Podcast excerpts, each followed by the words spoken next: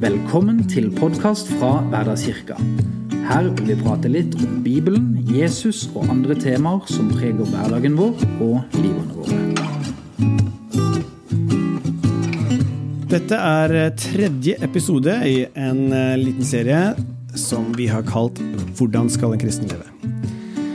I de to eh, første episodene har vi prøvd å besvare det spørsmålet ved å utdype verdiene kjærlighet og ydmykhet. I dag er det klart for svar nummer tre på spørsmålet, og stikkordet her er gudsfrykt. Umiddelbart høres kanskje ikke gudsfrykt ut som en positiv ting. Eh, det høres jo rett og slett som vi skal gå rundt og være redd for Gud, og det er det vel historisk sett mange som har vært også, og hvordan kan det være en positiv ting? Um, gudsfrykt er nok absolutt et, eh, et, litt forvirrende begrep, som eh, lett kan misforstås, og som blir misforstått av mange.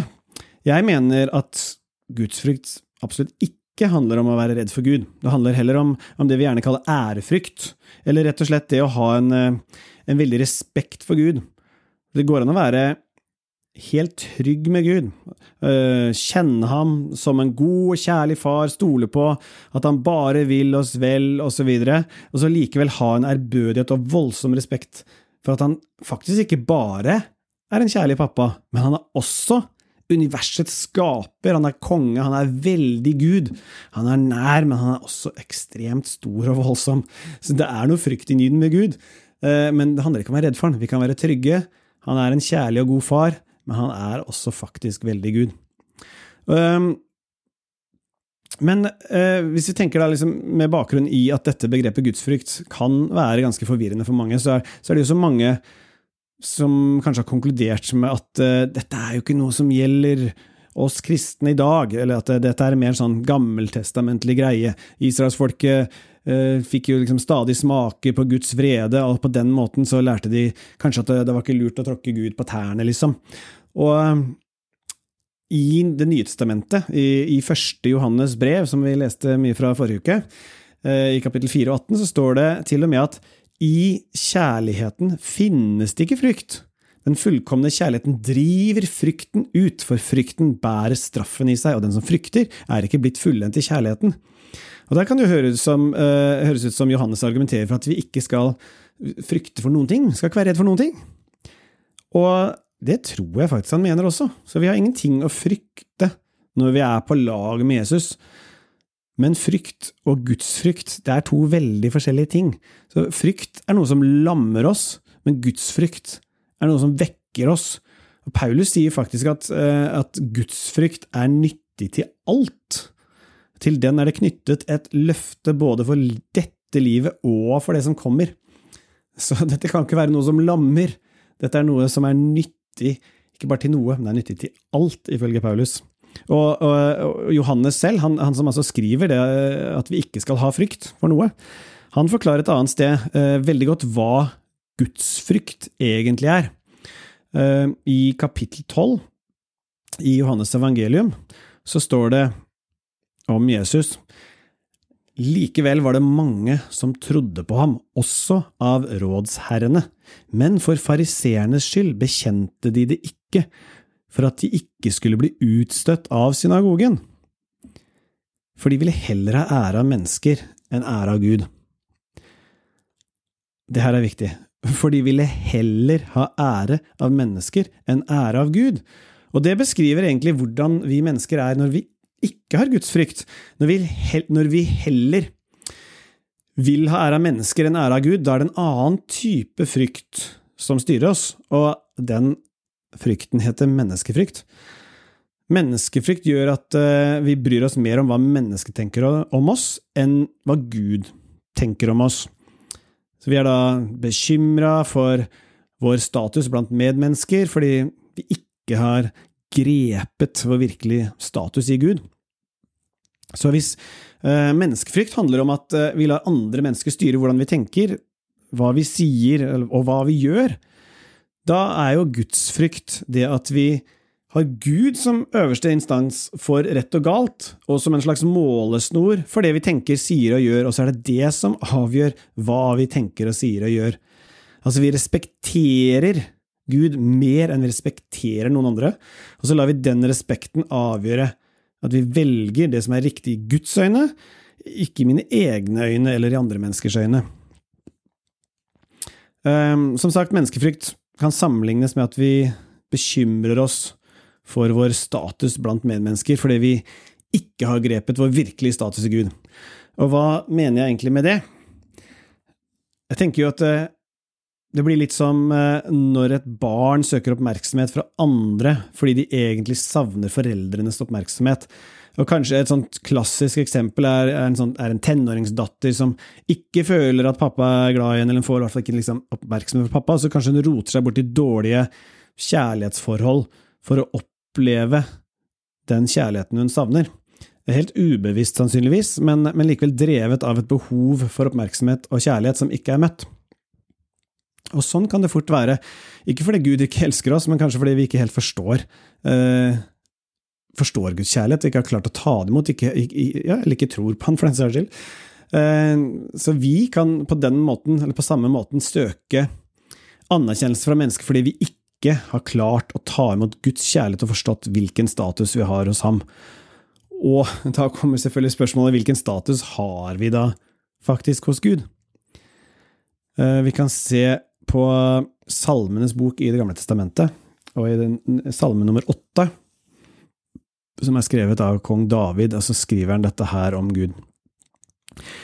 Når jeg ser din himmel, dine fingres verk, månen og stjernene som du har satt der, hva er, da, hva er da et menneske at du kommer ham i hu, en menneskesønn at du ser til ham? Så David tenker jo da ja, vi er små, ikke sant, vi er, liksom, det er måne og stjernene og planeter og liksom hele skaperverket, liksom i sammenheng så blir vi så utrolig små, liksom hva er et menneske at du bryr deg, liksom? Men så står det likevel altså, du gjorde ham lite ringere enn Gud. Med ære og herlighet kronte du ham. Vi er lite ringere enn Gud. Altså I skaperverket så er vi bare altså Gud er selvfølgelig over alt og alle, men neste på skalaen er deg og meg.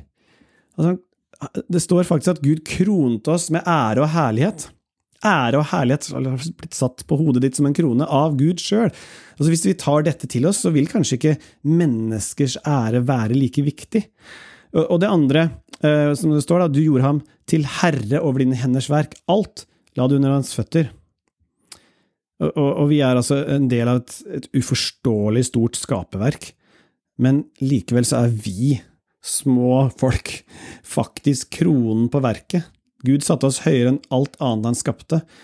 I skapelsesberetningen i Bibelen så står det at Gud skapte oss i sitt bilde.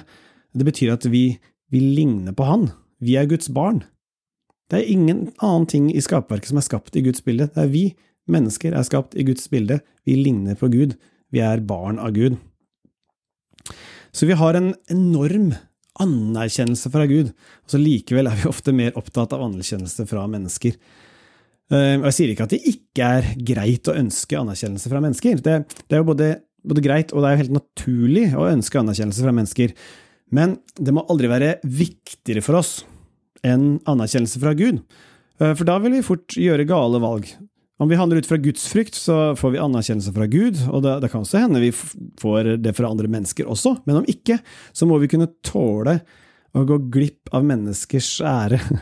Det er en billig pris å betale for å være et menneske etter Guds ære, som får oppleve Guds anerkjennelse.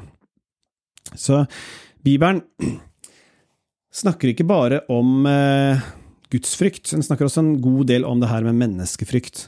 Og i ordspråkene Salmos ordspråk, så står det blant annet den som er redd for mennesker, eller altså den som har menneskefrykt. Da. Han setter en snare for seg selv, men den som stoler på Herren, har et vern. Så her hevdes det da at uh, menneskefrykt er en snare, eller med andre ord en slags felle som vi kan, kan gå i. Og jeg tenker det er ja, iallfall tre typiske feller som vi kan sitte sitte fast i eh, dersom vi lar menneskefrykten trumfe gudsfrykten. Og jeg tror jo også at den måte, originale synd er avgudsdyrkelse. Vi tenker gjerne på, på, Adam og Eva som spiste av den forbudte frukten, og at det er liksom den originale synden. Men det var jo ikke det at de spiste frukten i seg selv som var problemet. Den originale uh, synden, er at mennesket vil være Gud i sitt eget liv. At vi på en måte da vipper Gud ned fra tronen, og så tar vi plassen sjøl. Og alt annet som, uh, som, vi kaller for synd, det kommer fra akkurat dette her, at vi vil være vår egen Gud. Så ingen skal fortelle oss hvordan vi bør leve, liksom. Uh, det ironiske i det her, da, er jo at likevel er vi ofte ganske kjappe til å la andre mennesker få bestemme over oss. Altså Vi søker å tilfredsstille dem for at de skal få respekt, eller eh, vi skal få anerkjennelse eller oppmerksomhet eller kjærlighet fra andre mennesker. Og, og, når det blir viktigere for oss hva mennesker synes enn hva Gud syns, så setter vi mennesker i Guds plass. Så er det de som bestemmer hvordan vi lever, plutselig. Og når noe annet troner over Gud i vårt liv, så blir det en slags avgud. Så den første fellen som vi kanskje faller i når vi frykter mennesker mer enn vi frykter Gud, er det bli, eh, er det vi kan kalle en form for avgudsdyrkelse, rett og slett. Da. Og eh, den neste fellen kan være at eh, vi ender opp med å mangle kjærlighet. Så vi, vi kan gjøre gode ting for andre, kanskje til og med tjene andre mennesker, men det er jo ikke kjærlighet, for vi har selviske eller egoistiske motiver. Når motivet er at vi gjør det for å vise oss selv fra vår beste side, eller eh, for å gjøre oss fortjent til andre oppmerksomhet, eller for andres ære, eller et eller annet sånt noe. Så til syvende og sist betyr det at ting vi gjør for andre, gjør vi egentlig bare for oss sjøl. Og da er det jo ikke kjærlighet. Det er også en felle vi kan ramle i. Vi ønsker å gjøre gode ting og elske andre mennesker for å elske andre mennesker, fordi det er riktig, ikke for å dra oppmerksomhet mot oss sjøl. Motivet er utrolig viktig her. Og den tredje uh, fellen er falskhet. Uh, og det er jo sånn at når vi er opp, for opptatt av hva andre men, mener om oss, så, så, ender vi opp med å ikke være oss selv, sånn som vi snakka om i forrige episode. Det med ydmykhet og stolthet og masker og fasader osv. Så, videre. så vi tar på oss disse maskene, ikke sant? og vi blir på en måte sånne kameleoner som skifter farge etter hva som vil tjene oss best i, i, i den situasjonen vi er i. Og det å passe inn blir viktigere enn å være seg selv. Og så ender vi opp med å bli mennesker som skjuler seg bak maskene sine. Og da er det en, som vi snakka om sist, en form for stolthet som vi ender opp i, når det vi egentlig burde være, er ydmyke. Så hvis du har vært med i disse tre episodene, så ser du kanskje at kjærlighet henger tett sammen med ydmykhet. At ydmykhet, som vi ser her, henger tett sammen med gudsfrykt. Eh, men jeg mener også at kjærlighet og gudsfrykt eh, henger også veldig, veldig sammen. Vi kan ikke virkelig elske Gud uten å frykte ham, men vi kan heller ikke ha sann gudsfrykt uten å elske ham. Og gudsfrykt er det er som grunnmuren og rammeverket i et hus. Og når huset er ferdig, så ligger jo det skjult, men det er likevel det som holder alt på plass, alt fra vegger til tak og gulv og hele pakka. Ikke sant? Og slik er også gudsfrykt grunnmuren i vårt forhold til Gud. Eh, det er det som holder det andre på plass. Vi tar en tur til til Salomo, kong Salomo i Gamletestamentet, som da skrev Salomos ordspråk. Han skriver veldig mye eh, om gudsfrykt, og han ble også regnet for å være en veldig vis mann, så det er bra å høre på hva han skriver.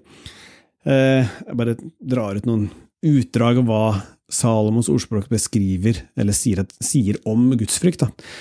Det står eksempel at det er opphav til visdom. Så hvis du blir en vis mann, så frykt Gud. Det er opphav til kunnskap. Eh, det står at ved gudsfrykt så hjelper det deg til å holde deg fra det onde. Det står også at gudsfrykt er å hate det onde. Det står at eh, gudsfrykt er en hjelp til å unngå dødens snarer, og at den fører til liv, at det er en kilde til liv, at gudsfrykt forlenger livet, og at det gir rikdom, ære og liv. Bra ting å få med seg. Så vi står da igjen med disse tre stikkordene våre. Kjærlighet, ydmykhet og gudsfrykt. Og til sammen så gir disse oss et uh, godt grunnlag for hvordan vi bør leve. Det er ikke spesifikke bud og regler, men det er verdier som ligger i bunn. Og så former det våre verdier, våre tanker, våre ord, våre handlinger. Så jeg håper disse betraktningene er nyttige for deg, og at det gir deg noe å tenke på når du vokser videre som menneske. Så jeg ønsker deg en fortsatt superfin sommer, og Gud velsigne deg. Du har nå hørt en podkast fra Hverdagskirka. Følg Hverdagskirka på Facebook for oppdateringer om nye episoder og nye serier.